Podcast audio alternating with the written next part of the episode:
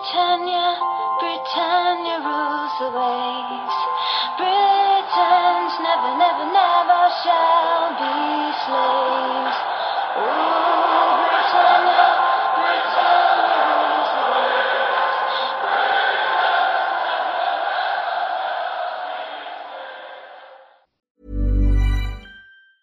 Hiring for your small business? If you're not looking for professionals on LinkedIn, you're looking in the wrong place. That's like looking for your car keys in a fish tank. LinkedIn helps you hire professionals you can't find anywhere else, even those who aren't actively searching for a new job but might be open to the perfect role. In a given month, over 70% of LinkedIn users don't even visit other leading job sites. So start looking in the right place. With LinkedIn, you can hire professionals like a professional. Post your free job on linkedin.com slash people today.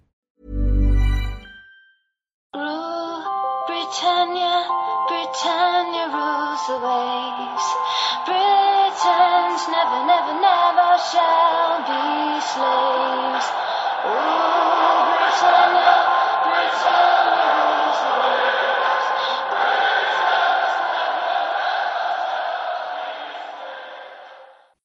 Säsongsavslutning avsnitt 43. Nu har vi tagit oss igenom de här 38 omgångarna och eh, vissa har pinat sig igenom medan andra har gått på eh, framgångståg. Vi ska summera säsongen lite grann och agendan för dagens avsnitt är som följer. Vi spelar in onsdagen den 15 maj. Vi kommer snabbt följa upp de rekommendationer som jag och Stefan kom med inför sista Game Week 38. Eh, sen kommer vi nörda ner oss lite. Vi kommer kika på eh, Eh, Team of the Year med ett fantasyperspektiv. Vilka spelare är det verkligen som har tagit mest poäng och hur eh, ser formationen ut? Och är det lite andra spelare som inte riktigt har krigat sig in här men som förtjänar ett omnämnande av olika anledningar? Vi ska även kolla in poddligan som fick ett eh, rafflande avslut och eh, lite summera den och eh, hur, vad är det som avgjorde i slutändan. Och eh, poddlaget som har gått eh, kanonbra och starkt här på slutet eh, slutar på en jättefin placering eh, inom topp 4000. Vi ska även kika lite närmare på det och jämföra poddlaget mot vinnaren i poddligan och även eh, ditt och mitt privata lag Stefan.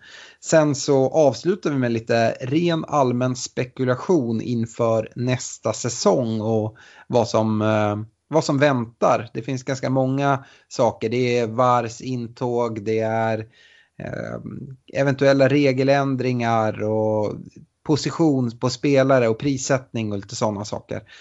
Eh, med det så tycker jag vi kickar igång. Hur eh, känner du så här när eh, fantasy-säsongen har tagit slut, Stefan?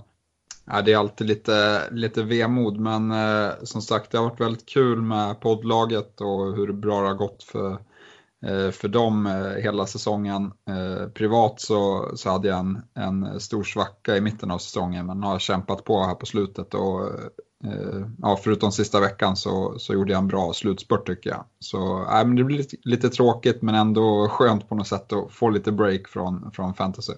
Ja, det har varit ett lite extra intensivt år för både dig och mig nu när vi startade upp podden. En sak innan vi hoppar in i rekommendationerna, har du tänkt på det att eh, skytteligan den delas ju av eh, tre spelare här med Aubameyang, Salah och Mané. Eh, vet du vad de har gemensamt? Eh, de kanske är födda samma år eller något. Nej, men alla tre är från Afrika ju. Kontinenten Afrika. Det är faktiskt rätt sjukt. Det är inte jättemycket afrikanska spelare i, i, i Premier League. Men där har vi tre stycken och det är de som delar på skytteliga-segern. Ja, nej, det hade jag inte tänkt på tidigare faktiskt. Det, Mm. det är speciellt. Ja, verkligen. Eh, du, vi hoppar in i rekommendationerna bara lite snabbt. Eh, backrekommendationer vi kom med förra veckan. Jag gick ju på ett ganska säkert kort i, i Laporte. Han, han nickar ju in en boll men de håller inte nollan. Åtta pinnar blev det. Eh, du hade ju en liten annan strategi där du ville eh, inte komma med spelare från Liverpool eller City där du bara sa ja, men fyll på så att ni har maxat er kvot. Men eh, kom med andra rekommendationer. Och den föll väl inte helt väl ut på försvaret med, med Digné i Tottenham, noll pinnar. Ja, nej, jag tror ingen, ingen av mina rekommendationer föll speciellt väl ut. Eh, är, man, är, man är ofta sugen på att betta emot eh, topplagen när det känns eh, jobbigt på förhand, men eh, man kan försöka upp det också. Ja, absolut. Eh, mittfältssidan så rekade jag Redmond. Du föll in i den reken och sa att det var bra. Tio pinnar blev det där, eh, så det var ju väl godkänt. Eh, du rekade Madison som fick nöja sig med tre pinnar i mållösa matchen mot Chelsea. Ja, jag är lite besviken på, på Leicester där. Jag trodde verkligen att de skulle eh, kunna vinna sista matchen där mot, eh, mot Chelsea faktiskt. Ja, den smällen fick jag ta på forwardsidan där jag rekade Vardy, två pinnar. Jag nämnde även Wood som du hade som, som din rek, men han eh, fick nöja sig med två pinnar. Ja, ett stolpskott eh, mot Arsenal eh, blev det, men eh, inga, inga poäng i fantasy. Ja, det var lite synd. Jag slängde in en chansning i mitt privata och satte faktiskt kaptensbinden där. Eh, men äh, det fick jag ingen utdelning av. Men det, som, som jag sa i förra podden, för mig handlar det om att chansa lite i slutet, se om jag kunde göra någon rejäl uppryckning eller inte. Eh, jag avancerade ändå sista, sista veckan så att eh, ja, jag får vara nöjd med det. Eh, på varningssidan så varnade jag för rotationen. Vi fick se en ganska ordentlig rotation på sina ställen. Eh, jag sa åt alla att invänta presskonferenser innan man gjorde byten. Det var väldigt bra eh, med tanke på exempelvis Robertson som var osäker fick vi besked om att han skulle med största sannolikhet spela, vilket han gjorde och sådana saker så man inte offrade något byte där. Eh, du Stefan, du varnar för Arsenal, du är alltid livrädd där. Nu tyckte jag att det var med rätta, men eh, 3-1 vinst blev det mot Burnley och Aubameyang då med 13 pinnar för att nämna någon som stack ut lite extra. Ja, nej, Emery fortsatt uh, går inte att förstå sig på. När man tror att de ska förlora då vinner de och tvärtom. Uh, Aubameyang hade ju dessutom uh, flera chanser att, att vinna den här skytteligan själv. Uh, då han hade bud på ett hattrick-mål på slutet. Eh, men han får nöja sig med att dela den med Liverpool-stjärnorna eh, där. Ja, eh, kaptensvalen, eh, där var ju vi inne på City både du och jag. Du har ju hållit krampaktigt tag i Sterling trots att han har haft svårt att få, få poäng. Eh, det fortsätter du med. Fem pinnar blev det, blev en assist. Eh, jag gick på Aguero och han trumfade lite då, han gjorde ju en kasse. Så sex pinnar blev det på Aguero. Det är väl inga eh, succékaptensval men det fanns inte jättemånga andra. Mané var ju fin såklart. Ja, offside Mané, han fortsätter ösa in eh, baljor eh, när han står på fel sida. Eh, det kommer ju inte kunna hända nästa år när VAR är med i matchen. Nej, eh, vi, vi valde ju till slut ändå, trots att du har sista röst på kaptensval i poddlaget så ändrade du dig till slut och gick på min Aguero eh, istället för Sterling. Nu blev det ingen större skillnad men eh, någon poäng i alla fall. Eh, Differential, uh, här funkar det ju inte jättebra. Jag, jag kom med, med Babel i, i Fulham, han fick inte ens spela. Jag menar att han skulle spela för en ny klubbadress. Det tyckte Fulham att ah, det behöver vi inte uh, göra, att du ska få, få en startplats här. Uh, vilket kan vara förståeligt. Du Stefan, du kom ju med en rek som jag totalsågade i Scott McTominay. Och förvisso, han spelade, men ja, United, vad, vad ska man säga där? Ja, nej, det är, ju, det är nästan pinsamt eh, hur de avslutar säsongen tycker jag, som, som inte håller på dem. Men eh, det kan ju inte vara många glada miner eh, i, i Manchester hur de, hur de har tagit sig an den här sista eh, tredjedelen av säsongen. Nej, men alltså nästan pinsamt. Det är ju bedrövligt. Jag, jag vet att många redan när eh, spelschemat släpptes och man såg att United skulle avsluta mot Huddersfield och Cardiff. Att många planerade, ja men då gäller det att fylla upp sina lag och det har egentligen fortgått hela säsongen. Sen här mot slutet så har fler och fler blivit eh, tveksamma. Jag satt helt utan United-spelare vilket jag är väldigt glad över inför sista omgången. Eh, men eh, ja, och sen så de spelare som man då Eh, ändå tyckte att om det är någon man ska ha, men då kanske det är Luke Shaw eller Lindelöf. Ja, men de kom inte ens till spel mot, mot Cardiff. Eh, Cardiff, de hade ju förlorat sex av sina senaste sju Premier League-matcher. Och så kommer de till Old Trafford och får de, får de vinna där 2-0. I och för sig, första målet är ju en helt horribel straff eh, som inte finns på kartan. Men Alltså det, det, spelar ingen roll. Det spelar ingen roll vilken domare vi hade haft. United skulle inte vinna den matchen. Den enda, enda ljusglimten som jag skulle säga innan vi släpper rekommendationerna det är väl eh, Mason Greenwood, eh, junioren som fick komma upp. Jag tyckte gjorde det rätt, eh, ja, rätt pikt när han fick spela. Men eh, vi kan nog förvänta oss en ganska stor utrensning i, i United-leden. Vi kommer väl in på det i slutet av podden när vi kommer in på lite spekulation och sånt. Men eh, innan det så har vi lite saker att avklara från den gångna säsongen och eh, varför inte börja med ett Team of the Year. Och eh, jag har egentligen bara gjort så här, det är ganska enkelt. Man pratar om de bästa lagen i vanliga sportpoddar, ja men då är det lite, eh, man tycker olika saker, vem som har varit bäst och sådär. Men eh, här är det bara att kolla på, på poängen och siffrorna. Och eh, då har jag tagit ut eh, två målvakter, jag har tagit ut fem försvarare, fem mittfältare och tre forwards som är de som har tagit mest poäng i, i respektive. Eh, sen dessutom så har jag, har jag gjort så att jag, vi har kollat på de som precis ligger utanför och så eventuellt någon, någon outsider. Men eh, om man bara börjar med formationsmässigt, att vilka, vilka lagdelar är det som har tagit mest poäng? Eh, jo, en målvakt ska man ju ha såklart, eh, men eh, framför där så är det en trebackslinje. Eh, Tre försvarare som har tagit rejält med bra med poäng, men sen ner till fjärde försvararen som har tagit mest poäng, ja, men där är det ett litet glapp. Så att eh, det är tre försvarare, alla fem mittfältare får spela och eh, två forwards. Och eh, vi börjar bakifrån och på målvaktssidan och här ser vi något som inte känns helt vanligt ändå, men Allison eh, vinner, eh, 176 pinnar tar han före Ederson då på 169 pinnar och det är ju två eh, dyra målvakter och topplags eh, topplagskeepers. Det brukar väl inte alltid vara så. Ja, jag vet inte hur, men de kanske inte har vunnit alla år, men förut har de i alla fall kostat eh, 6,0 eh, till att börja med och då glappet ner mot de här eh, målvakterna i de eh, mindre lagen har inte varit så mång, stor i poängmässigt i alla fall.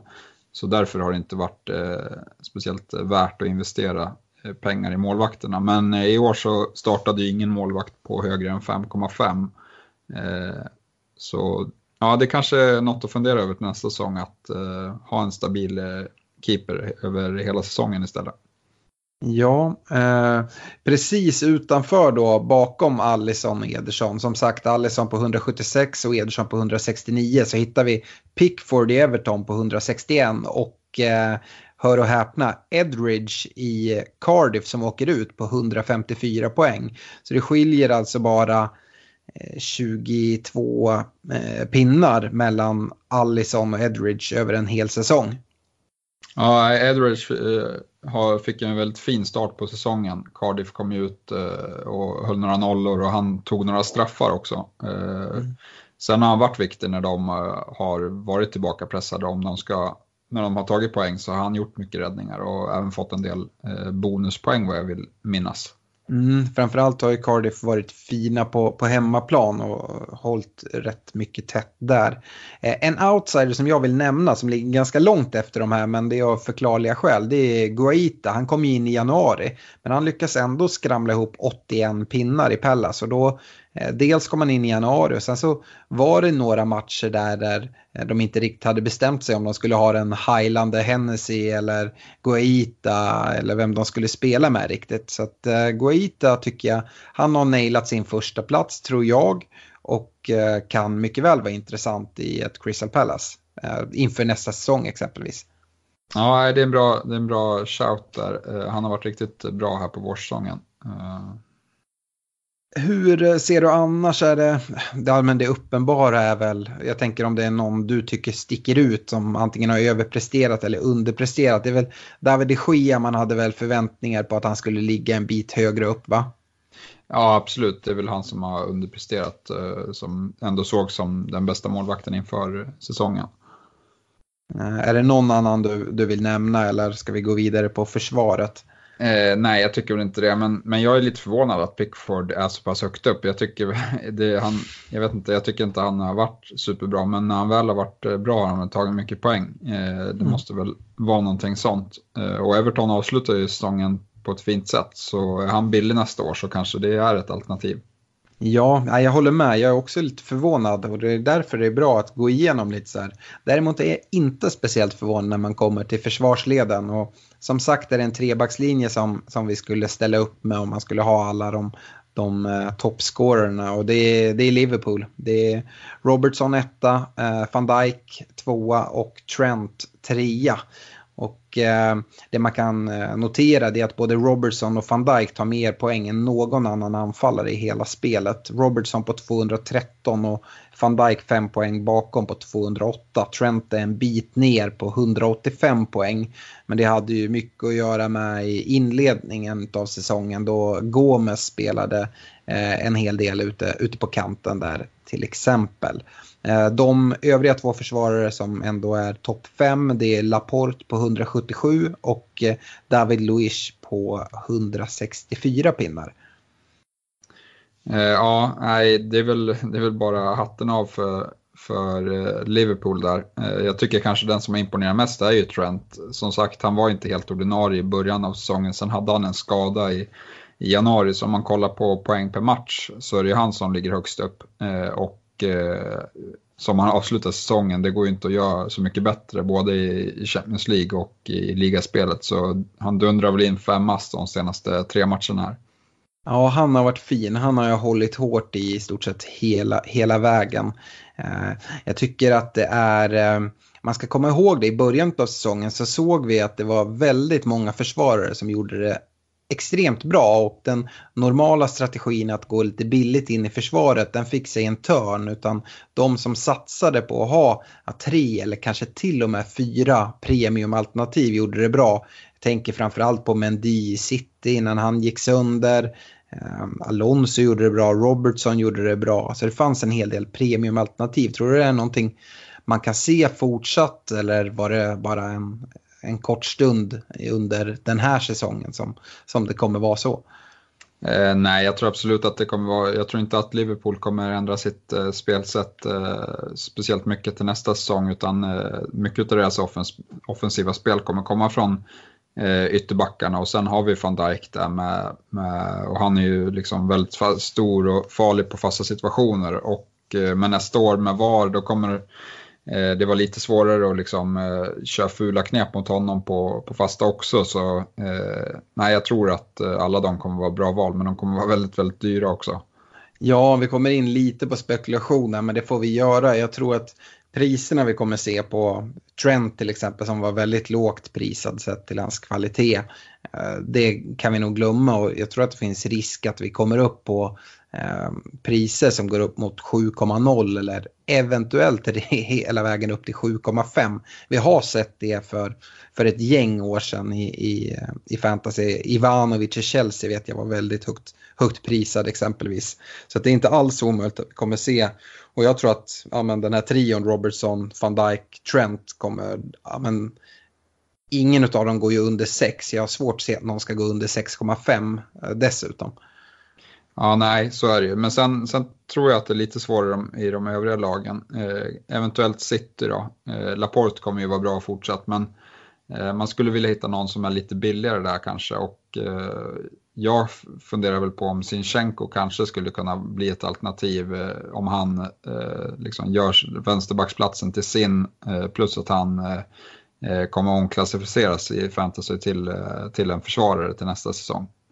Ja, jag har i och för sig svårt att se att City ska gå utan någon transferaktivitet i sommar och eh, jag skulle inte förvåna mig om första prioritet är just den där vänsterbacksplatsen.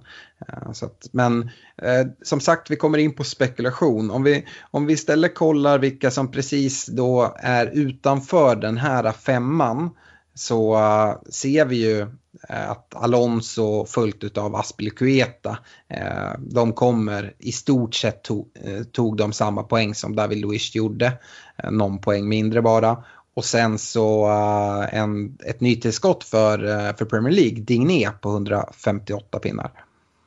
Ja, eh, gamla Barcelona-spelaren har imponerat stort nu när han eh, blev en startspelare i, i Everton. Eh, och eh, han tror jag fortsatt på nästa säsong. Eh, frågan handlar väl mer om vad han kommer landa på för, på för pris. Eh, gällande Chelsea-spelarna så är väl Alonsos eh, plats väldigt osäker, eh, vilket vi har sett här på slutet av säsongen och eh, medan Aspilicueta är mycket, mycket mer stabil i, i sin position då. Mm. Och när vi går in på outsider så Digné tycker jag ändå ska vara med där sett till det pris han hade. Även om man, eh, vi redan har nämnt honom. Utöver honom så har vi ju eh, Pereira i Leicester, 146 pinnar. Doherty i Wolves 144 pinnar. Där kan vi se någon som kommer öka i pris och eventuellt om vi har otur gå upp som mittfältare. Och eh, sen så tycker jag att man måste nämna van Bissaka. Vi var ju på honom Eh, Eh, redan inför säsongen.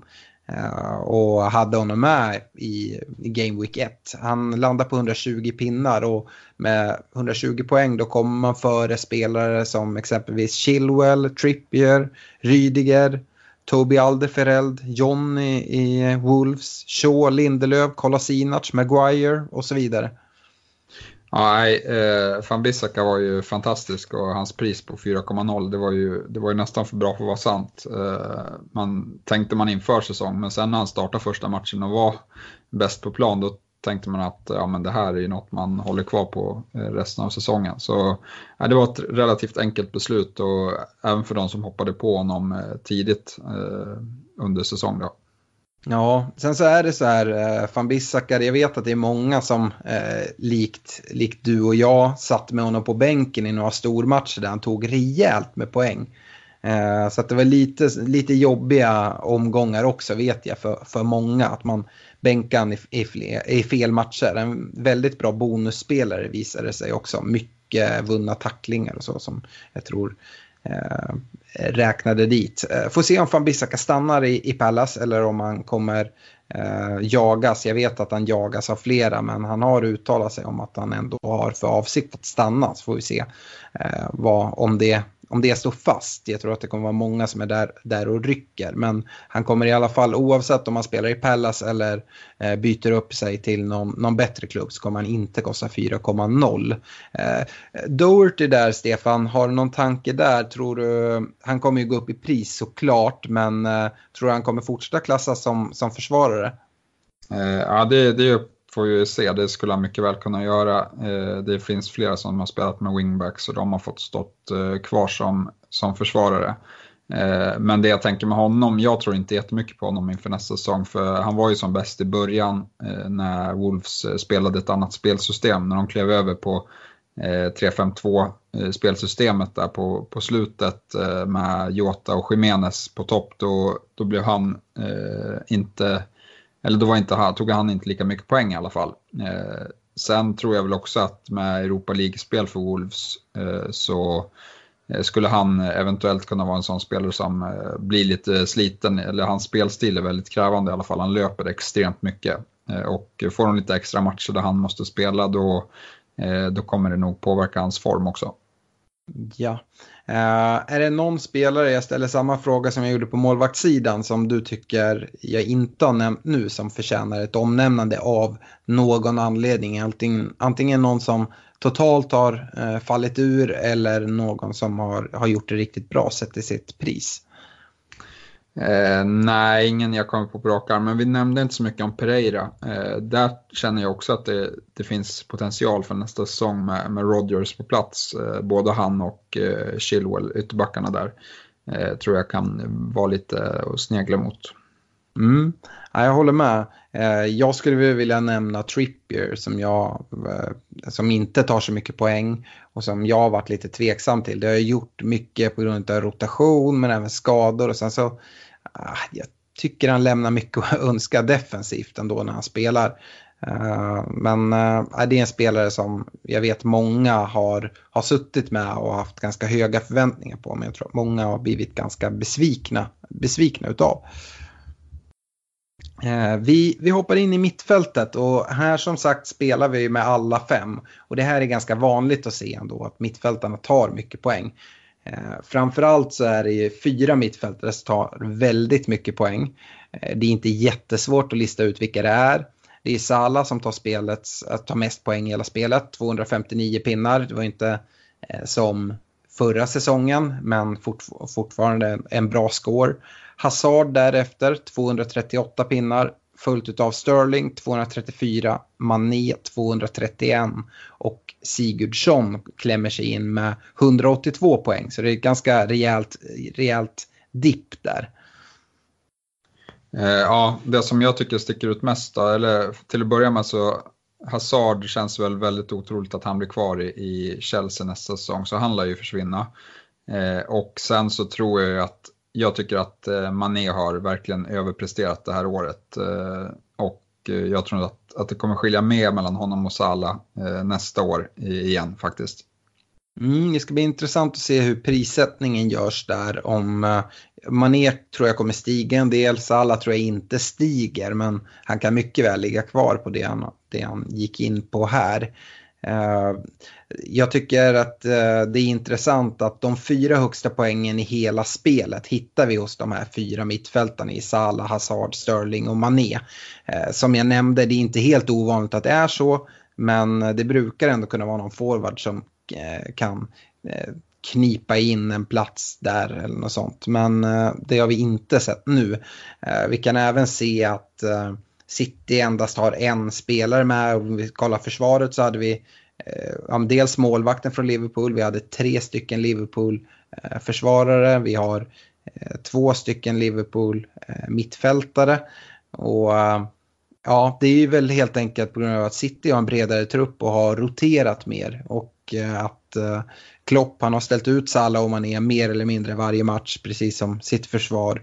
Och att det är därför poängen har har landat mer där. Det är inte så att Liverpool har vräkt på väldigt mycket fler mål än vad, vad City har gjort. Nej, det är ju väldigt tufft konkurrens där, framförallt på, på mittfältet i, i City. Eh, så där blir det ju mycket rotation och det har ju framförallt en, en spelare som Sané fått eh, lida en del för. Han ligger en bit ner här på listan, men han hade ju kunnat tagit eh, mycket mer poäng om han hade fått eh, spela mer.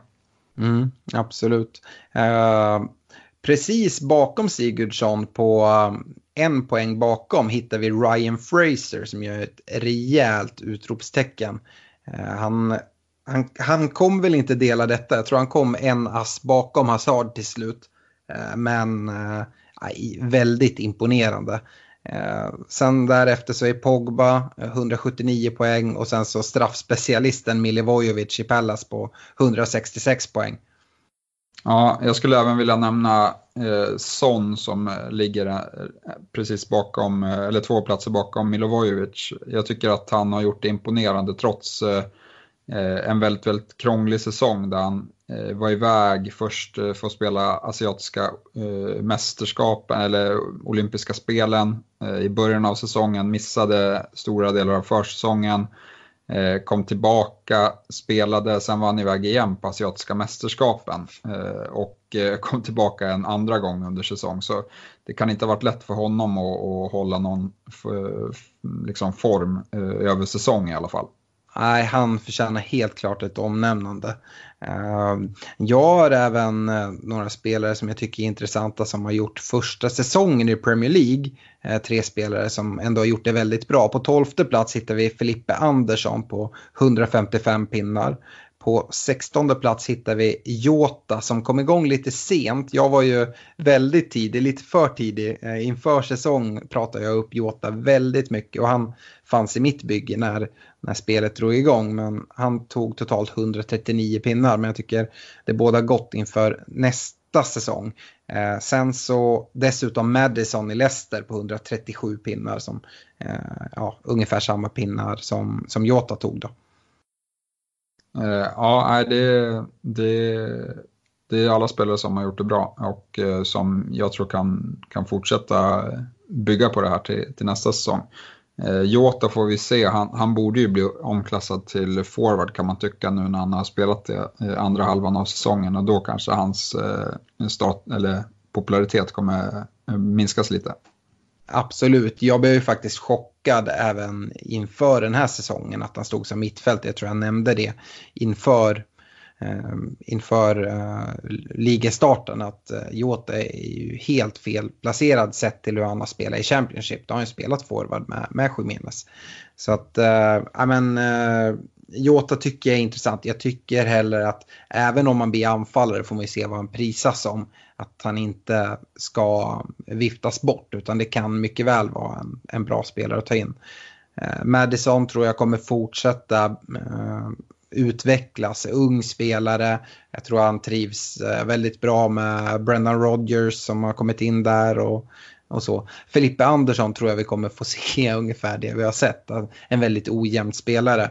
Eh, I sina bästa stunder så är han fantastisk och eh, i sina eh, sämre stunder så han, kan han vara helt under isen. Så har det i alla fall sett ut i Lazio eh, där han kom ifrån innan han kom till West Ham. Eh, ja, du, eh, du nämnde ju Son där, men är det någon annan spelare? Jag tänker Lukas Mora, eh, tror du han kommer få en mer eh, viktig roll i, i Spurs? Han har ju gjort eh, några riktigt viktiga mål här, eh, för, eller kommer det fortsatt vara en, en nyttig truppspelare? Jag, jag vet inte, han har inte varit jämn i, någon gång under sin karriär så nu har han gjort några supermatcher i år och man har väl eh, liksom eh, fräscht på, på näthinnan nu hur han tog dem till Champions League-final. Eh, men eh, jag tror att han kommer fortsätta vara, vara relativt ojämn. Eh, och det har ju varit en del skadebekymmer för, för Kane och så som har gjort att han har fått chansen från första början här i, i, Tottenham i år. Mm. Eh, Anfallssidan, det sista vi ska gå igenom här i eh, Team of the Year. Då hittar vi en Arsenal-spelare högst upp. Eh, Aubameyang 205 pinnar. Eh, Agüero 201 pinnar och sen eh, Raúl Jiménez i, i Wolves på 181 poäng. Eh, han är en pinne bak, bakom Sigurdsson så han får börja på bänken i det här Team of the Year. Eh, men ja, man måste väl ändå lyfta upp Jiménez ganska ordentligt här.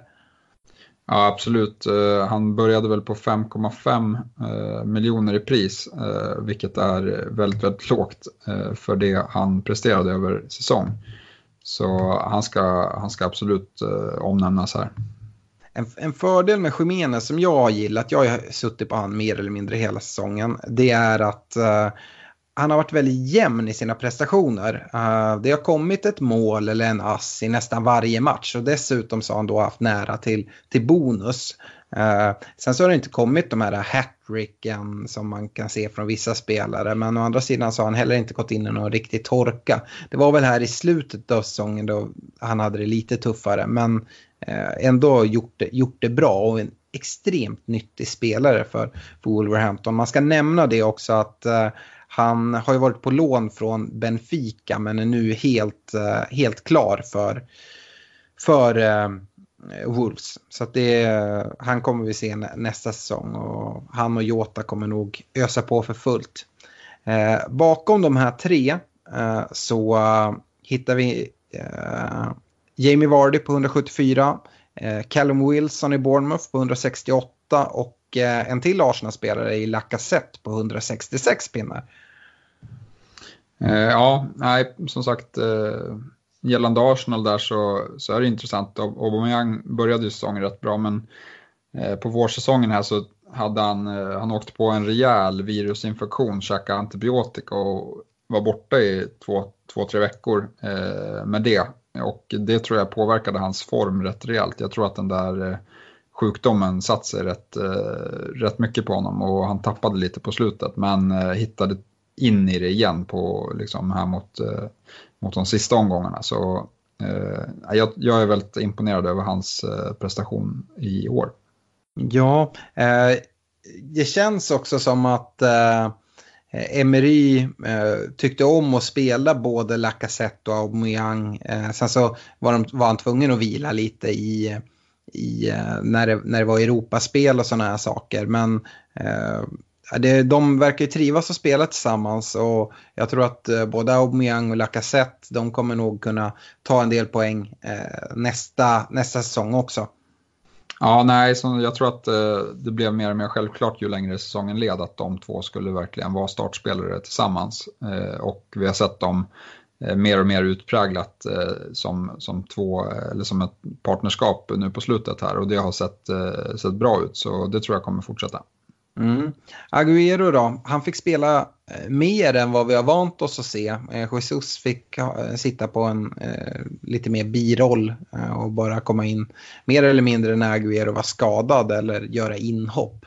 Är det här någonting du tror att vi får, får se även nästa, nästa säsong om Agüero får vara skadefri? Eh, ja, för han var skadefri så, så är han intressant. Han, han fyller 31 här i, i eh, sommar så det är inte, han är inte lastgammal på, på något sätt så. Han, han kan, eh, eller han har förutsättningar för att hålla, hålla sin fysiska kondition och, och fortsätta spela så här mycket. Men, men eh, som sagt, vi får väl se hur, han, han har ju haft rätt mycket skador i sin karriär här. Så det kanske, det kanske blir att det gör sig påmint igen. Mm. Uh, utöver de här uh, som jag nämnde i Vardy, Wilson och Lacazette så är det ju två spelare man undrar vart de har tagit vägen och då är, det är uh, såklart Harry Kane. Han har ju haft en del skadeproblem under säsongen. Men han ligger precis bakom Lacazette där, sex pinnar bakom på 160 pinnar. Och på samma poäng hittar vi även Liverpool-anfallaren Firmino. Som har haft ett lite sämre år. Jag tycker att han eh, tidigare säsonger har varit väldigt prisvärd, en väldigt bra bonusspelare. Men lite sett till eh, att Liverpool har ändrat lite spelsystem som jag uppfattar det så är han inte längre spjutspetsen utan eh, mer en, en playmaker bakom både Mané och, och Salah. Är det någon annan bild du har? Eh, nej, men han har haft lite tuffare år. Eh, det har han ju. Han, jag jag vill minnas att han har varit upp mot eh, 200 poäng, eh, fantasypoäng tidigare säsonger. Eh, och eh, i år eh, som sagt bara 160, 180 har han legat på de, de två senaste säsongerna. Så, så det är lite, lite nedgång och det, vi ser ingen tendens i att det skulle ändras skulle jag säga heller, utan det är nog lite svagare. Yes. Uh, outsiders då och någon som måste nämnas det är ju Rondon. Uh, han uh, tar 148 pinnar. han är före spelare som till exempel Zaha eller King, Rashford, Arnautovic, Troy Deeney. och har inte kostat mycket. Om inte jag har helt fel tror jag att han är på lån i Newcastle från West Bromwich. Eh, det här känns som en spelare som, eh, jag vet inte, kanske inte topp 6-lagen ska kika mot, men säg Everton eller något sånt. Eh, om man skulle kunna lösa en, en rondon så tror jag att det skulle kunna vara en spelare som, som skulle kunna lyfta, lyfta Everton. Och han är, det är en extrem nischad spelare. Han är ju stor och stark och har dessutom visat att han har en väldigt fin frisparksfot. Ja, jag ser honom som klart mest intressant om han blir kvar i Newcastle, om Benitez blir kvar i Newcastle. Eh, för, med Benitez så vet man i alla fall vad man får eh, och eh, då tror jag att Rondon och Perez där som har spelat väldigt bra tillsammans på slutet kommer fortsätta göra det. Eh, Perez ska också nämnas, han är bara sju poäng bakom på 141 pinnar. Ehm, vi ska även nämna Mitrovic i Fulham som nu åker ut på 134 pinnar. Han har ju bränt en hel del. Ehm, men han hade några bra perioder eh, under säsongen även det har varit, varit vissa eh, torkor här. Men eh, Mitrovic, ja vi får se om han följer med Fulham ner eller om han hittar en ny klubbadress. Ehm, är det någon annan spelare du vill, vill lyfta upp? Ja, men vi, vi pratar inte så jättemycket om varken Fraser eller Wilson i Bournemouth och eh, det är ju spelare som är rätt eh, unga och liksom, som jag har svårt att se bli kvar i Bournemouth till nästa säsong. Frågan är ju bara om, om eh, fantasypriserna kommer hinna komma ut innan de hinner uh, få en ny klubbadress. Uh, är det så att de flyttar efter det, uh, att priserna är satta, då kan de bli väldigt intressanta om de hamnar i ett bättre lag än Bournemouth och ändå eh, där de har en rimlig chans att bli eh, startspelare. Har det inte varit en del spekulationer i Fraser till Arsenal? Jo, det har det. Det har det. Det har sagts att Arsenal har varit intresserade och att Fraser är smickrad, men jag har inte hört något mer än så. Men det är väl ett av de få lag jag skulle kunna tänka mig.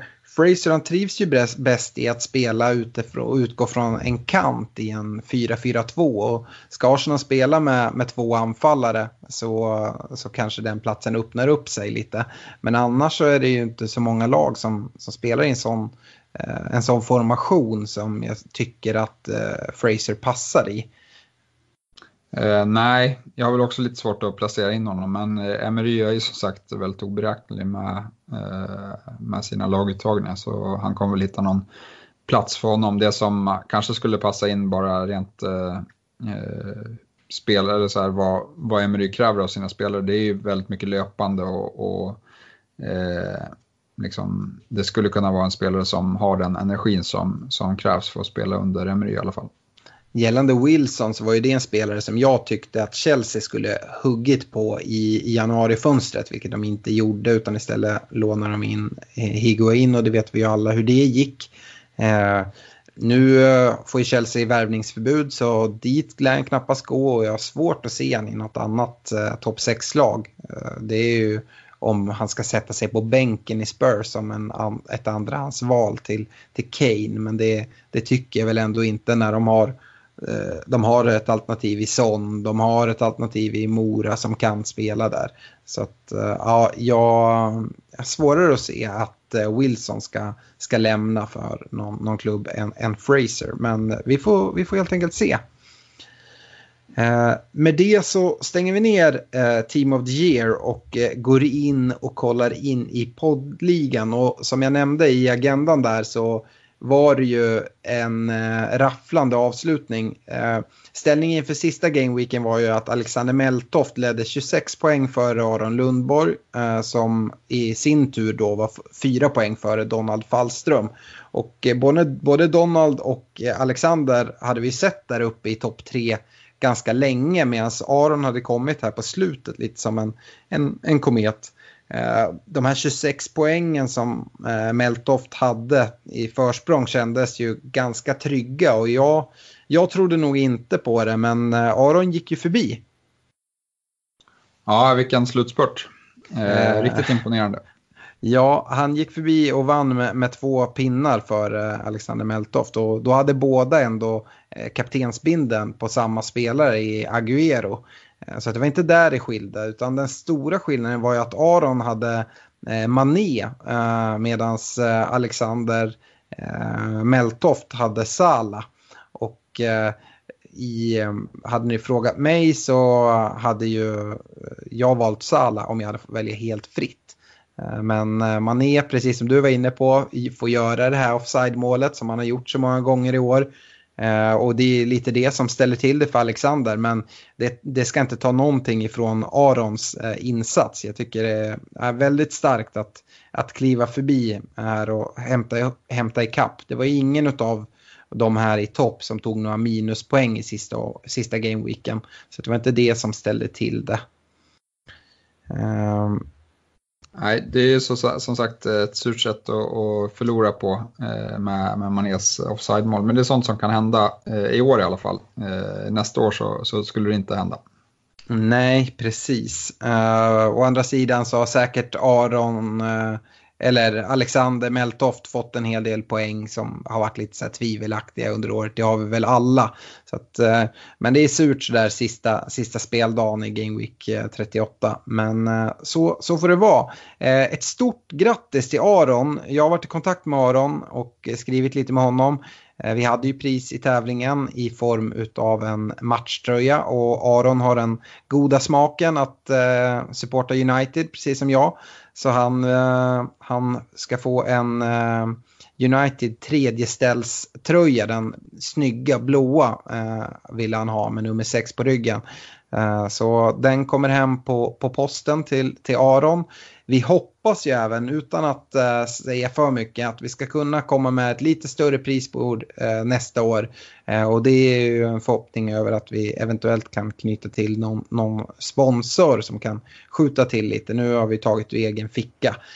och både du och jag är föräldralediga så att det är, vi får gräva djupt i fickorna här för att få fram det här. Men vi hoppas på ett bättre prisbord till nästa år och vi, eh, som jag sagt tidigare, vi ber alla våra lyssnare att jättegärna få sprida ordet om, om podden. Vi skulle bli superglada om vi kan växa och bli väldigt mycket större och ju större Eh, podden blir desto lättare blir det för oss att eh, ragga upp riktigt bra prisbord. Eh, en dröm hade ju varit att ha någon, någon resa till, till England eh, och kolla fotboll som första pris. Eh, vi, vi får helt enkelt se, men sprid ordet till alla era vänner, både de som spelar fantasy idag, som kanske inte lyssnar, men även till vänner som ni vet är intresserade av engelsk fotboll som kanske inte spelar fantasy eller som spelar Aftonbladets version som eh, om ni frågar mig är bra mycket sämre. Försök locka över dem till, till Fantasy Premier League och eh, till svenska FPL-podden. Eh, med det sagt så kan vi väl kika in i poddlaget som är ändå det stora glädjeämnet för eh, dig och mig i år, Stefan, då våra lag har, har dippat lite eh, sett till eh, föregående säsong. Vi, eh, poddlaget landar på 2421 poäng till slut och en overall rank på ungefär 3800 i världen, vilket eh, är men jag tycker det är eh, mer än godkänt. Eh, långt mycket mer än godkänt. Vi hade ju satt ett mål på eh, topp 10 000. Och eh, ja, det, det klarar vi med råge. Ja, då ska man väl ändå säga att den målsättningen är ju rätt tuff från första början och, och hamna bland de 10 000 första. Det är inte, det är inte jättelätt eh, att göra det längre. Eh, det ser vi ju på våra privata lag som där vi, där vi båda misslyckas och eh, Ja, det, har varit, det har varit kul. Eh, vi, har, vi har faktiskt varit, eh, vi har inte varit speciellt mycket osams under året. Vi har varit lite oense några gånger men det, jag tycker att det har löst sig bra eh, över hela säsongen. Eh, man har aldrig, jag har i alla fall aldrig varit eh, bitter någon, någon längre stund om man har gjort något som, som blev fel eller eh, knasigt utan det har varit eh, glädje rakt igenom tycker jag. Ja, men det har varit kul också att poddlaget har varit med hela tiden och att det har gått bra och man har haft en positiv känsla. Det har gjort mycket tycker jag för, för podden i sig. Ehm, vi landar utöver då overall-ranken på en 127 plats i Sverige. Ehm, vi hamnar på plats 18 i poddligan. Jag vet inte varför. Vi har samma poäng som han, som, han som ligger på plats 17. Men eh, eh, 18 står det i alla fall. Eh, vi, eh, den här placeringen på topp 10 000 overall, eh, vi är 36 poäng bättre än den som ligger på plats 10 000. Så att ändå med ganska god marginal. Vi har 8 poäng upp till topp 100 i Sverige. Och, ja, men jag, jag, tycker, jag tycker det känns bra. Kaptensvalen har ju suttit riktigt, riktigt fint. Jag har, jag har gjort en liten sammanställning jag tänkte vi kunde kolla på. Eh, både med kaptensval och eh, lite hur mycket minuspoäng man har tagit och lite andra saker. Jag har gjort en jämförelse mellan poddlaget, jag har kollat med mitt privata och ditt privata och sen tog jag även med Arons lag eh, som går och vinner poddligan. Eh, och för att se lite och även jämföra hur hur chipsen fungerade. Eh, vi kan väl börja och bara eh, fräscha upp minnet för de som lyssnar hur, vilken chipstrategi vi valde i, i poddlaget. Vi tog ut chippen så här, vi tog ett relativt sent eh, första wildcard eh, som kom i Game Week 13. Vi tog ett misslyckat triple captain eh, beslut i Game Week 25 där Sané stod för tre pinnar, en klassisk eh, Eh, Alex eh, triple captain. Eh, och eh, sen så kom eh, de andra chipsen på, på ra, rad där. Free hit Game Week 31. Inte, funkar inte jättebra, 32 pinnar. Vi hade 16 pinnar på bänken där. Eh, vi hade bench boost i Game Week 32 som föll väl ut med 130 poäng och ett wildcard eh, i Game Week 33 som satte upp laget för en, en stark avslutning som jag tycker eh, Eh, verkligen full väl ut. Eh, och innan vi kikar på de här siffrorna så kan vi bara eh, konstatera att våra privata lag, eh, jag, jag hamnar 109 poäng bakom poddlaget eh, och eh, då eh, landar man på en placering eh, runt 47 000 i världen. Du var lite bättre men du var ändå 83 pinnar bakom, bakom poddlaget och Eh, då hamnar man på plats 28 000 ungefär.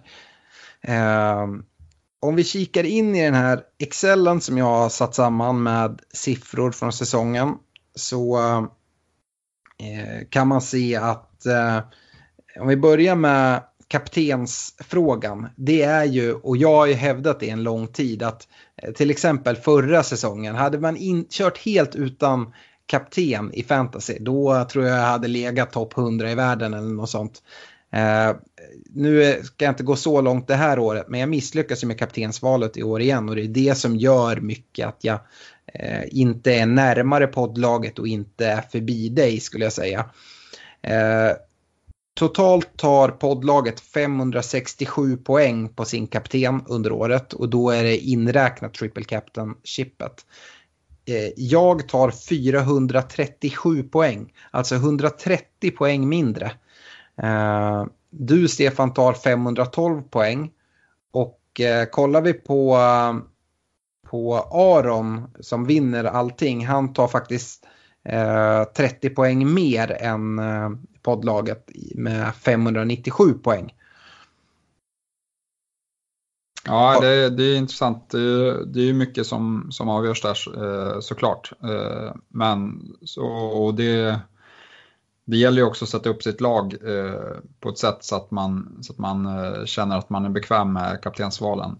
Jag vet inte varför du envisas med att, att fallera på på just den biten. Men, men du får skärpa dig där så har du bra chans att, att komma högre nästa år. Alltså 130 poäng efter, eh, efter poddlaget och då ska man ju ha med sig att poddlaget och jag har samma triple captain. Det är inte så att jag tar min klassiska trepoängare och poddlaget hänger in Salah mot Huddersfield som jag vet många, många gjorde och tog väldigt fina poäng.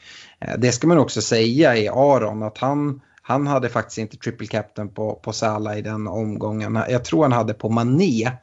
Eh, eh han tog 39 pinnar i alla fall. Eh, så att eh, det hade kunnat gått ännu bättre för Aron om man hade fått in Salah där. Eh, kollar man eh, antal minuspoäng eh, så har Aron tagit minst minuspoäng. Eh, han har tagit 28 poäng minus. Och eh, poddlaget 32. Eh, jag har tagit 40 och sen vet vi att du är lite mer aggressiv med dina minuspoäng och eh, har tagit 56 totalt. Och eh, det jag utläser av det här i alla fall att eh, det är inte antal minus om du ändå håller det på en hyfsat vettig nivå som avgör vart du kommer. Sen så är det alltid en fråga om hönan eller ägget. Att, man, att Aron och poddlaget har tagit eh, ganska lite minus. Det kan ju ha att göra med att de har legat bra hela tiden och inte eh, hamnat så fel. Dina 56 minus handlar ju mycket om hur fel du hamnade runt jul där, Stefan. Ja, jag hade ju en jättesvacka där och eh, gjorde väldigt många byten som jag inte borde ha gjort. Eh, och sen kom på att vad fan håller jag på med och eh, ändra tillbaka eh, mer eller mindre. Eh, vilket kostade mycket bytespoäng men eh, som sagt eh, det felet där var väl egentligen att de initiala bytena som, som blev felaktiga, det var där de minuspoängen som, som var eh, de som inte borde skett och sen att jag sen eh, ändå tog mitt förnuft till fånga och tog minuspoäng för att ta in de spelarna jag trodde mer på. Eh, de minuspoängen är jag inte så eh, bitter över att jag gjorde, för de har nog eh, gjort att jag lyckades eh, ändå hitta tillbaka till en, en ändå helt okej okay slutplacering i slutet. Ja, men de följer väl ut och kollar man, precis som du är inne på, du tar dina första minus fyra i Game Week 15. Och sen därefter så trillar det på ganska många där över jul och sen ser man här under, under våren har det plockats ganska stadigt minus fyra och eh, några minus åtta eh, vändor också. Eh, bland annat tog det väl minus åtta här i sista, sista Weeken tror jag. Yes, det stämmer bra. Eh, och det blev väl ungefär ett nollsummespel eh, i sista omgången i alla fall. Eh, med tanke på att jag plockade in eh, Redmond som jag inte hade. Mm, precis. Uh, annars, uh, vi kan konstatera att uh, du gör en, eh, en bättre chipstrategi än vad poddlaget och, eh, och eh, jag privat gör. Eh, du, eh, dels så har du inte en triple captain som tar tre poäng. Det är ju det enklaste som är att jämföra. Där kan vi se att du har 24 pinnar på din triple captain, vilket får ses som ja, men en bra triple captain. Det är inte den suveräna som, som Sala visar sig vara eh, i, i Huddersfield-matchen i den single game weeken. Men eh, det är heller inte Sané-valet där kring, kring jul och nyår. Ehm, eh, vi... Eh, bench boost och free hit är ju svårt att jämföra hur mycket poäng man tar eftersom att det är ju differens mot average eller mot eh, de, eh, de lag som man spelar mot, eh, vad, vad, man tar då. men jag tycker jag tycker vi ändå får vara nöjda med strategin som användes för, för poddlaget. Eh, free hitten kunde helt klart ha gått bättre och eh, triple captain blev ju urusel. Eh, men strategin passade ganska bra in för, för laget ändå och jag känner inte så mycket bitterhet över det. Det är triple captain-valet som, som svider såklart. Men eh, annars, eh, vi var inne på det här tidigare de här chippen. Det är lätt att man eh, lite styrs för mycket av dem. Eh, är det någonting du eh, vill utveckla? Eh, ja, man, man ska väl ändå sätta upp det inför säsong vad en rimlig, eh, rimlig poäng är på de här olika chipsen. Och, eh, när man benar ut det så kanske det inte är så mycket poäng eh, det handlar om. Men det är klart att eh, en bra chipstrategi är ju någonting som kan, eh, kan eh, hjälpa en rejält på, på traven i overall rank på slutet. Så är det ju. Eh, men eh, ibland eh, när man sitter där med ett eh, väldigt taskigt lag i början av eh, andra halvan, när man har sitt andra wildcard tillgängligt så kanske det kan vara läge att ta det tidigt efter i januari där. Men det är som sagt, det som är lite osäkert är att man inte har alla förutsättningar på plats då. Eh, och i år så var det ju väldigt svårt utan ett eh, wildcard och lyckas bra här på eh, dubbel och, blankveckorna på slutet. Så i, år så tror jag att det var en bättre strategi att ha kvar wildcardet ändå. Ja, i år såg vi även att man kan använda triple captain i en single game week och få ett riktigt bra resultat som många gjorde där på, på Salah mot Huddersfield. Vi har varit inne på det. Eh, jag vill ju fortsatt hävda att jag tycker att det är ganska, eh, ganska dumt generellt sett att spela det i en single game week. Och det är väl kanske för att jag inte är så riskbenägen utav mig. Jag tycker det är skönare att ha två matcher att, eh, att hoppas på. Om man har en bra double game week med, ja, med två hyfsat bra motstånd och en spelare som är ganska vital för sitt lag och som Eh, troligen kan ha eh, kan ha eh, kan få starta båda matcherna. Hur är du där Stefan? Har du svängt och, och tror att ja, men det kan vara helt rätt att slänga in den på en single game week-spelare mer än inför säsongen? Ja, jag vet inte, jag körde ju den på Salla i, i en annan single game week. Så, men det, det, handlar väl mer om hur många dubbel game weeks det blir. Eh, I år så blev det bara tre stycken. Eh, och eh, det visste man ju inte riktigt på förhand heller när City hade sin första dubbel. Så ja, det är, det är lite beroende på vilka förutsättningar skulle jag säga och vilka matcher det är i den, de dubbelveckorna. Men jag, jag sätter den ju hellre på en dubbelspelare än en singelspelare, det gör jag. Ja. En, ehm, en liten fundering som, som jag hade, det, det rör också det här med eh, hur, hur den här säsongen artade sig. Det var en rätt tuff, eh, en tuff period där när det kom blanka game weeks och double game weeks och blanka game weeks om vartannat. Och det var svårt att navigera sig igenom. Eh, det här har vi inte riktigt sett på det här sättet eh, tidigare. Eh, jag, jag tror att det är väldigt viktigt att eh, att ha lite is i magen. Det har vi hela tiden pratat om från starten av den här podden. Att inte spela massa chips. Eh, ja men visst, triple captain om du nu ska spela i en single game week kan du spela på hösten. Men annars så spara på dem till, till våren om, om möjligt i form av free hit eller eh, bench boost till exempel. Ja absolut, jag tycker också att eh, man ska spara så, så länge som möjligt. Uh, yes, sen så får, kan man väl hoppas att det inte är lika klurigt nästa år att de kommer sådär efter varandra. Det var, jag tyckte det ställde till det ganska mycket. Uh, och det gjorde även att strategierna blev uh, väldigt snarlika. Antingen valde man den strategi som, som poddlaget hade eller så valde man den du hade. det var väldigt få som utav toppspelarna som gjorde, gjorde någonting, någonting annorlunda. Eh, eh, yes. Uh, vi uh, kikar uh, vidare här lite och går över till det avslutande punkten på agendan och det var den här spekulationen inför 2019-2020 säsongen.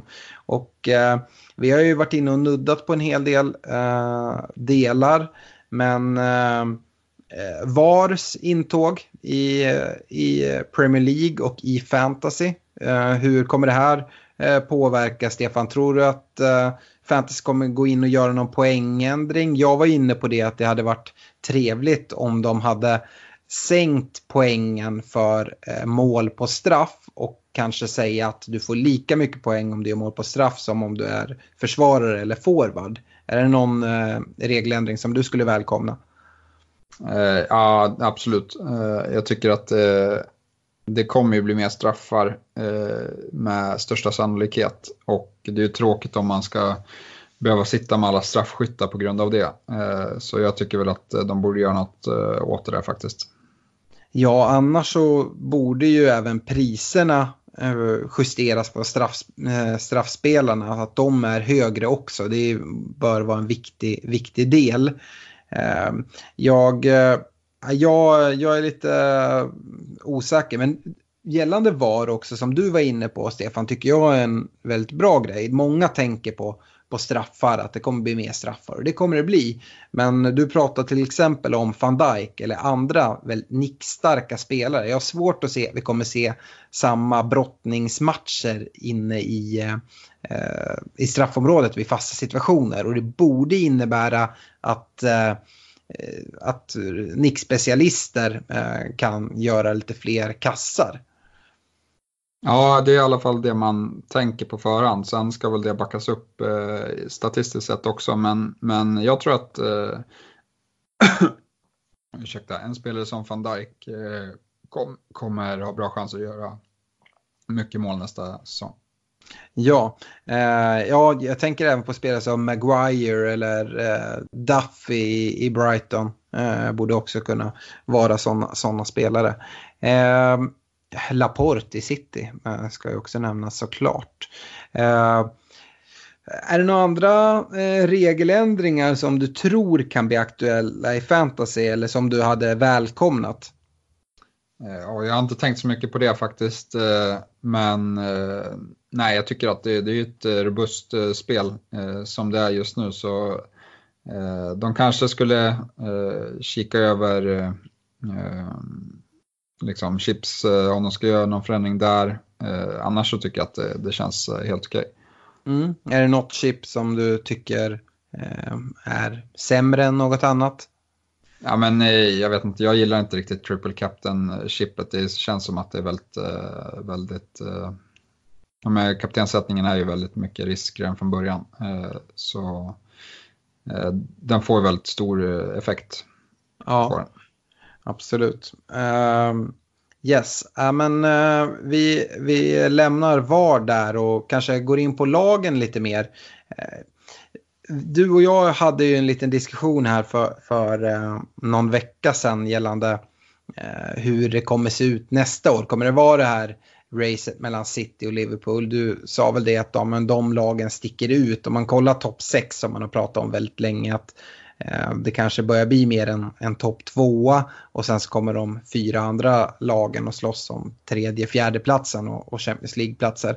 Eh, jag vill ju, nu kanske jag kommer få skit från väldigt mycket Liverpool-lyssnare, men eh, jag skulle vilja säga att jag tycker att den här säsongen har väldigt mycket studsat med Liverpool och de har haft marginalerna på sin sida.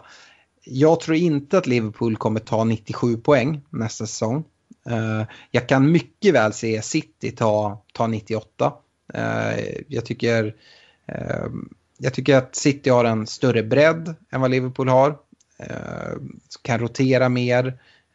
Och jag tror vi kan även se rent skademässigt den här säsongen. City har haft, eh, alltså, jag vet inte hur många skador på Kevin De Bruyne som ändå får ses som en av deras absolut bästa spelare. Fernandinho har varit borta eh, till och från. Agüero har haft någon eh, frånvaro i alla fall. Eh, samtidigt som vi inte har riktigt har sett några sådana större skadefrånvaror i, i Liverpool. Visst, man kan nämna att Gomes försvann, eh, Lovren hade viss skada, men det är heller inte, det är inte Salah, det är inte Mané, det är inte van Dijk, ingen av ytterbackarna som har gjort det väldigt bra. Eh, jag tycker att det har studsat lite Liverpools väg och jag håller City som någon klass bättre än, än Liverpool. Och eh, sen så håller jag Liverpool bättre än de övriga topp 6-lagen. Men eh, tyvärr så tror jag att vi kommer se City som eh, eh, Eh, segrare nästa år igen oavsett egentligen vad som händer på transfermarknaden. Ja, jag vet inte. Jag, tror, jag tycker också som sagt att Liverpool har haft eh, mycket flyt i år. Eh, men samtidigt så vågar jag inte riktigt betta emot Klopp och, hans fotboll. Han är verkligen en demontränare på, på rätt plats just nu. Så, Eh, och de kommer troligtvis eh, förstärka truppen ännu mer. Det har ju satsats så mycket pengar i, i, i truppen eh, ett par år här i, i Liverpool. Så jag, jag, tror att de kommer fortsätta trycka mot City. Men som sagt, City imponerar ju också väldigt, väldigt mycket och deras trupp, de flesta är eh, mellan liksom, 23 till 26. Eh, så de, de har ju alla förutsättningar att faktiskt eh, lyfta sig än mer här. Mm. Samtidigt så var du inne på det att du tror inte att Mané gör en sån här säsong igen.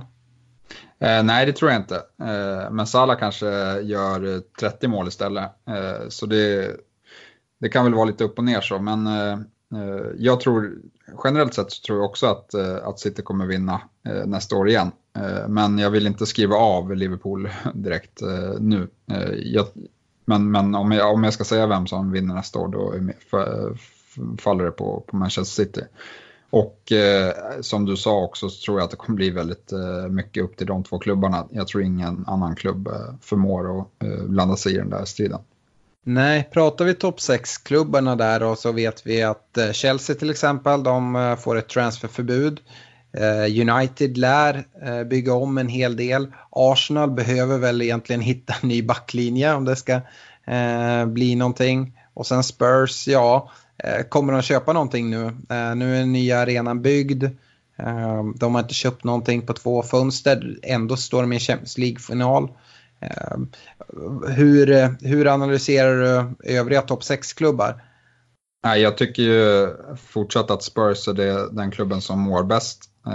Där, trots att de inte investerar någonting så tycker jag ändå att ja, men de har väl framförallt den, den liksom med Pochettino den, den bästa ledningen just nu och han har varit där ett, ett par år. Sen får vi se både Sarri och eh, Emery ska göra sitt andra år och eh, kanske kommer göra det starkare än, än vad de har gjort eh, i år. Eh, det har i alla fall sett ut så för många av de tränare som har kommit till Premier League, inklusive Klopp och eh, Guardiola, att eh, de har byggt från sin första säsong och blivit bättre eh, andra och tredje säsongen.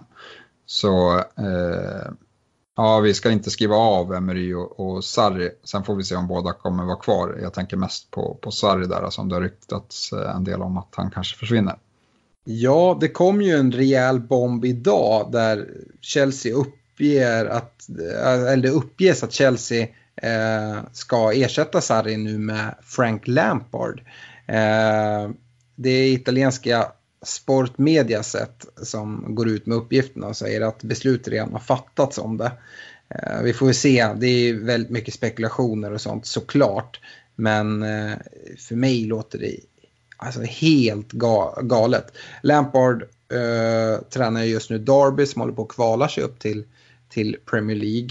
Eh, de spelar väl ikväll tror jag eh, mot Leeds. Eh, men eh, det känns som att eh, Lampard mycket väl kan träna, träna Chelsea någon gång framöver. Men det är lite tidigt att gå in, gå in just nu skulle jag säga, att kanske bränna den platsen. Och dessutom ett transferförbud. Eh, Chelsea är det lag som jag tror står riktigt tufft. Och till och med, nu säger jag inte att det här kommer hända, men det finns en risk att uh, Chelsea kan uh, hamna utanför den här topp 6 Jag tycker att vi ser uh, transferförbudet nu, Eh, förmodat att Hazard lämnar och Hazard är så extremt vital för Chelseas anfallsspel.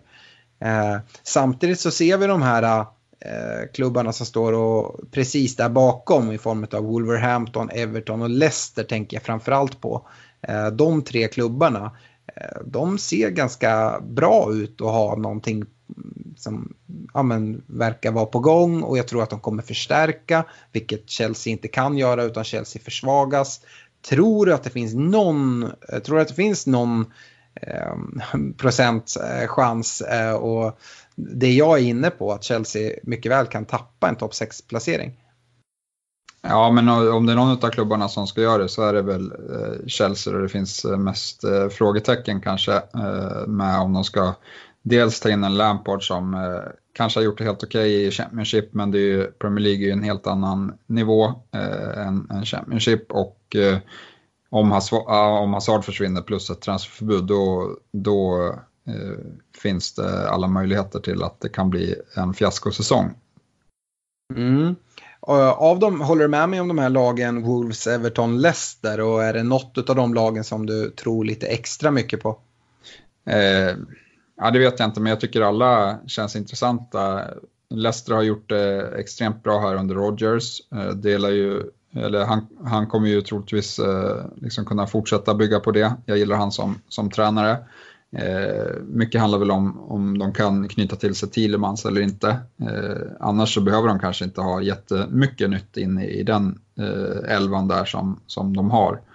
Eh, Wolves, där får vi se. Det kommer väl investeras ännu mer där eh, och det blir, det blir helt enkelt intressant. Ja, de har väl ambitioner att bli en toppklubb på, eh, på sikt och eh, det ska bli fortsatt spännande att se vad, vad de åstadkommer. Eh, och eh, Everton, eh, där, är, där är man lite mer tveksam. Men, men som sagt, de har avslutat fint här och får se. Silva kanske är eh, rätt man trots allt, trots att han har blivit ifrågasatt och de har spelat rätt eh, uselt under delar av säsongen. Mm, absolut. Eh, vi vet ju redan att Norwich och Sheffield United är eh, nykomlingar till nästa år. Det ska även tillkomma ett lag till. Nu slog väl eh, Aston Villa ut, eh, vilka var det de mötte? Eh, West Brom va? I, i kvalet. Så att de ska, de ska möta Leeds eller, eller Derby i en avgörande eh, playoff, playoff-match. Och eh, vi kan väl inte förvänta oss en nykomling likt Wolverhampton oavsett eh, vad det är för lag som kommer upp. Men jag eh, tror det finns någon, någon sannolikhet att någon av de här klubbarna kan etablera sig eller är det för tidigt att sia om att trupperna kommer byggas om en del? Ja, det är nog för tidigt att säga om. Det, det beror väl mycket på vilken strategi de har när de kommer upp. Eh, Fulham värvade ju extremt mycket när de kom upp. Eh, det gick ju inte speciellt bra. Eh, medans Wolves och Cardiff de byggde väl lite mer på vad de redan, redan hade. Och det var väl en, en bättre melodi även om Cardiff åkte ut till slut. Eh, framförallt så kan man väl säga det att Fulham spelar ju en ganska naiv fotboll och du nämnde att man värvar en hel del. Ja, men det var ju bara i de offensiva leden. Eh, jag tror att om man inte är en nykomling likt Wolverhampton som har eh, dels kinesiska pengar i, bakom sig eller en stor eh, kassako i, i ryggen någonstans och dessutom har Eh, en agentkoppling i form av Mendes eh, som kan fixa spelare som egentligen eh, inga, inga inte skulle ha kommit till Wolves annars. Då, då är det, det rätt hopplöst. Utan då tror jag man behöver vara ganska cynisk i sin fotboll och försöka ja, men, göra det bra på hemmaplan och försöka spela ganska tight. Som Cardiff försökte göra och det var ju nästan så att det, det räckte för Cardiff. Så att eh, jag, jag tror att det är det som krävs. Att man först försöker etablera sig, få stanna kvar några år eh, och sen se, ja, bygga därifrån efter några säsonger. Eh, man får lite erfarenhet. Eh, yes, eh, om vi säger så här då. Vilka lag tror du nu, om vi tar bort nykomlingarna eh, från de 17 lag Eh, som eh, spelade i, i Premier League förra året. Vilka tror du riskerar att eh, vara indragna i nedflyttningsstrid nästa säsong? Går det, går det att tala om? Ja men det gör det väl absolut. Nu vet vi ju Brighton som precis klarade sig, de sparkade ju Uton det här direkt efter säsongen. Det skulle kunna bli deras fall, tror jag. Och liksom, om de inte gör några större förändringar så, så har de fortfarande viktiga spelare som Glenn Murray som är väldigt gammal. Och, eh, jag vet inte, jag är inte alls imponerad över hur de eh, har sett ut här. Eh, så det, det kanske är rätt också att sparka Utah, men, men eh, han har ändå varit en, en stabil pjäs där som har eh, räddat kontraktet eh, åt dem. Så de tror jag kan få det lite tufft. Är det något annat lag som du vill inkludera? Southampton på 16 plats precis ovanför Brighton. De tycker jag ändå har tagit ordentliga kliv med, med Hassenhüttel och jag tycker det har sett ganska fint ut. Sen så har de lite defensiva problem de skulle behöva styra upp men eh, det ser inte just nu ut som någon nedflyttningskandidat. Nej, men jag skulle vilja lyfta eh, Bournemouth som nedflyttningskandidat. Det är ju laget med den, med den minsta arenan i hela Premier League. Eh, det investeras inte så jättemycket i spelartruppen och eh, nu har de dessutom två stjärnspelare som, eh, som ryktas bort.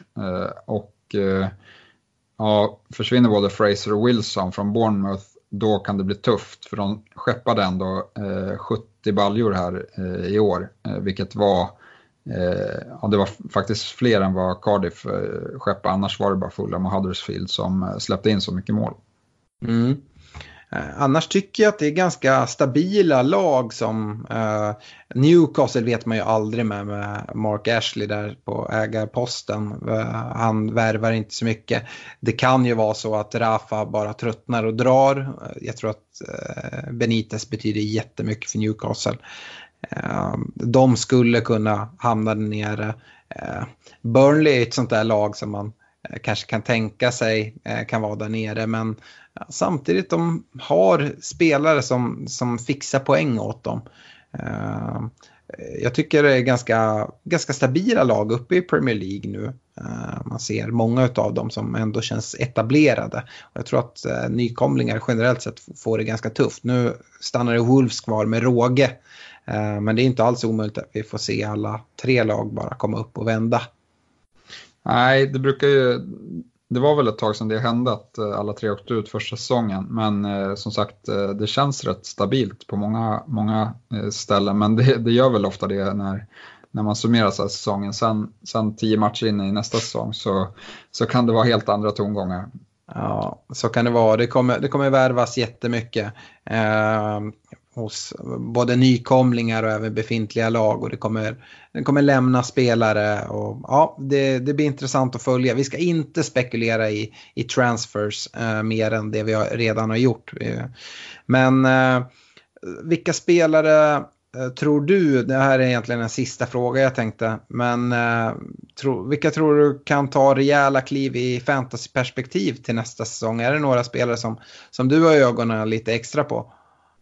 Nej, jag tycker så extremt mycket avgörs i eh, prissättningen. Eh, så det blir, det blir A och O. Men eh, utav topplagen då så har vi ju lite, vi får se vad City värvar, men där har vi ju Sinchenko som, som har slagit sig in. och sen får vi se här, David Silva börjar bli till åren och Phil Foden börjar knacka allt mer på, på dörren. Eh, det skulle kunna vara hans eh, genombrottssäsong nästa säsong, även om jag tror att eh, det kanske är två säsonger bort. Mm. Eh, med det så tycker vi avslutar spekulationerna. Det är så svårt och vi kommer ju komma tillbaka inför eh, nästa säsong och komma med flera inför avsnitt där vi eh, djupdyker ordentligt i lagen precis som vi gjorde Eh, inför den här säsongen där vi gräver ner oss riktigt djupt, kollar försäsongsmatcher, eh, vi, när priserna släpps, vilka spelare är intressanta respektive lag, vilka spelare tycker vi är helt fel prissatta, antingen att de är alldeles för dyra och vi aldrig skulle ta in eller eh, riktiga fynd. Vem blir eh, nästa års van Bissaka exempelvis och, och liknande. Eh, så inför avsnitt kommer komma. Jag vet inte om vi kommer ut med något mer avsnitt innan priserna släpps. Annars så tar vi ett uppehåll. Om vi får feeling och eh, tycker att vi har någon, någonting att komma ut med. Eh, då gör vi det såklart. Men annars så tackar vi väl för den här säsongen. Det har varit extremt kul, intensivt men roligt och jag ser verkligen fram emot nästa säsong och hoppas att eh, alla ni lyssnare hjälper oss att eh, fortsätta växa och bli eh, ännu större. Vi ska komma tillbaka, ladda våra batterier och göra ett förbannat mycket bättre en förbannat mycket bättre podd till, till nästa säsong. Vi har lärt oss hela tiden och ja, men är det några inspel eller sådana saker med feedback eller eh, saker ni vill att vi pratar mer om eller pratar mindre om eller upplägg, programpunkter. Snälla hör av, hör av er till oss på, eh, via Facebook-sidan eller via mail. Eh, vi har ju en mailadress som är svenskafpl.gmail.com. Eh, vi tar gladeligen emot all feedback och, och svarar såklart alla som hör av sig. Eh, har du något att tillägga Stefan? Nej, bra sagt, men eh, jag vill också rikta ett stort tack till alla som har lyssnat under hela säsongen. Eh, det har varit eh, väldigt inspirerande och få veta att ni lyssnar och även skickar in väldigt mycket lyssnarfrågor varenda vecka som har varit roligt att besvara och även gjort att man har varit tvungen att hänga med i svängarna under alla 38 omgångar här, både i poddlaget och privat. Så stort tack till er! Yes, eh, ha det bra allihopa och ett extra stort grattis till Aron Lundborg som då kammar hem segern i FPL-poddens första eh, säsong i ligan. Men den kommer såklart tillbaka nästa år. Ha det bra allihopa så hörs vi.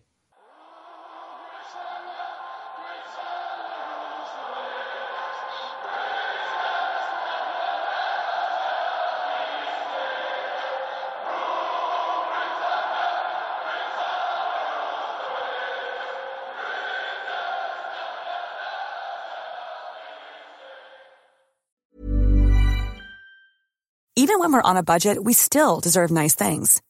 Quince is a place to scoop up stunning high-end goods for 50 to 80% less than similar brands. They have buttery soft cashmere sweaters starting at $50, luxurious Italian leather bags, and so much more.